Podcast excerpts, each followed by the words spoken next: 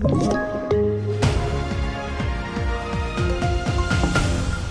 TV4-nyheterna börjar med att efter helgens två dödsskjutningar i Södertälje stadsdelen Ronna så har Ronnaskolan beslutat om en rad extra insatser, det rapporterar Ekot. Dels så kommer ett vaktbolag patrullera skolan, men också extra tillsyn av polisen. Dessutom så har skolan satt in ett ökat antal rastvärdar och förstärkt elevhälsoteamet med extra samtalsstöd.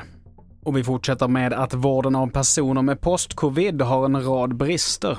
Det visar en ny rapport som presenteras idag och det skiljer sig även mellan de olika regionerna. Det gör ju att det är olika tillgång beroende på var i landet man bor eh, och det kan leda till att man får olika vård. Eh, och vi menar att regionerna måste utvärdera och bygga kunskap för att eh, minska de här skillnaderna. Och i inslaget här så hörde vi Siri Ståhle som är utredare på Myndigheten för vård och omsorgsanalys.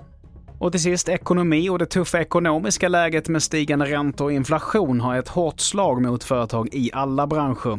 Det visar konkursstatistiken från september. Och värst drabbat av allt är detaljhandeln där konkurserna ökat med hela 45% mot föregående år. Fler nyheter hittar du på tv4.se. Jag heter Mattias Nordgren.